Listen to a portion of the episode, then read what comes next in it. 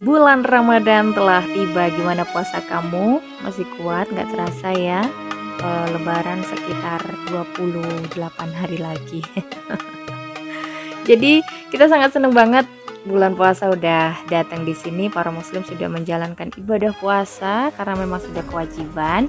Dan tentunya selama bulan puasa ini pola makan kita akan berubah tidak seperti sedia kala yang sehari harus makan tiga kali belum juga include cemilan-cemilannya. Tapi sekarang uh, kita puasa seharian gak makan seharian dan baru buka dan harus menjalankan sahur. Jadi ngomong-ngomong soal sahur nih ya pasti uh, bingung ya. Aku harus uh, menyajikan menu apa aku harus makan sahur apa apalagi buat kalian yang udah berumah tangga. Ngurusin anak ngurusin suami gitu kan ya bingung.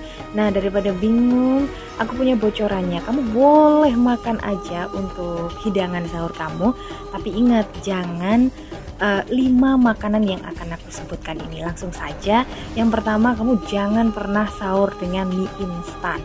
Buat kamu mungkin yang terburu-buru saat sahur mie instan akan menjadi menu yang paling tepat karena eh, untuk ngejar waktu ya. Tapi sebaiknya hindari mie instan sebagai menu sahur kamu karena zat yang terkandung dalam mie instan ini akan membuat lambung bekerja lebih keras dan tubuh memerlukan waktu yang lama untuk mencernanya sebagai energi. Hasilnya saat kamu bangun, saat kamu melangsungkan aktivitas keseharian, kamu akan lebih cepat lapar di siang harinya. Waduh bahaya banget ini ya. bakalan batal nanti puasanya di tengah hari.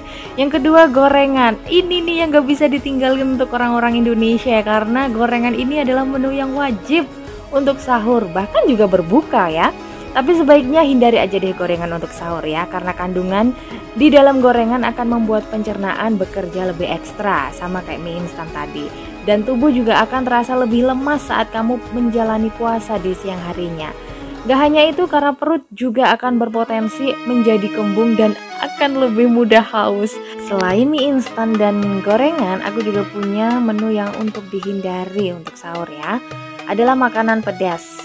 Uh, ini juga lagi-lagi orang Indonesia pasti sulit untuk menghindari makanan pedas terutama aku. Karena kalau makan nggak ada rasa pedas itu nggak nendang banget di lidah itu, nggak kerasa nggak puas makannya ya. Tapi bagi kamu untuk yang uh, penyuka makanan pedas sebaiknya jangan terlalu pedas ya kalau untuk sahur karena kandungan zat capsaicin yang akan memicu pencernaan bekerja lebih keras. Dan efeknya saat lambung kosong sementara kamu mengonsumsi makanan super pedas, ini bisa menyebabkan diare yang berujung pada kondisi lemas. Nggak lucu kali ya puasa-puasa kok malah diare. Eh, minum aja deh. Yang keempat uh, untuk kopi dan teh ya, jangan sampai kamu mengonsumsinya saat sahur. Karena terlalu banyak mengonsumsi minuman berkafein akan membuat tubuh lekas dehidrasi dan ujung-ujungnya menjadi lesu bahkan lemas. Selain itu, zat asam yang tinggi akan menyebabkan perut bisa nyeri di siang harinya saat kamu puasa. Untuk makanan yang perlu dihindari saat sahur yang terakhir adalah makanan yang terlalu manis. Mengonsumsi makanan yang terlalu manis tak membuatmu menambahkan uh, energi yang lebih karena kadang-kadang ada yang bilang gula itu bisa menambah sebagai penambah energi tapi ternyata tidak. Yang ada yang bakal kamu dapatkan adalah perut akan semakin kembung dan juga akan membuat lebih haus di siang harinya saat kamu puasa.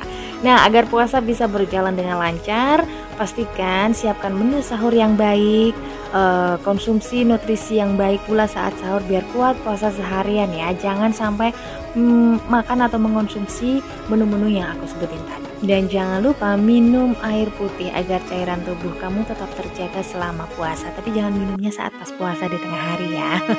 Selamat melaksanakan ibadah puasa buat kamu yang menjalankan ya.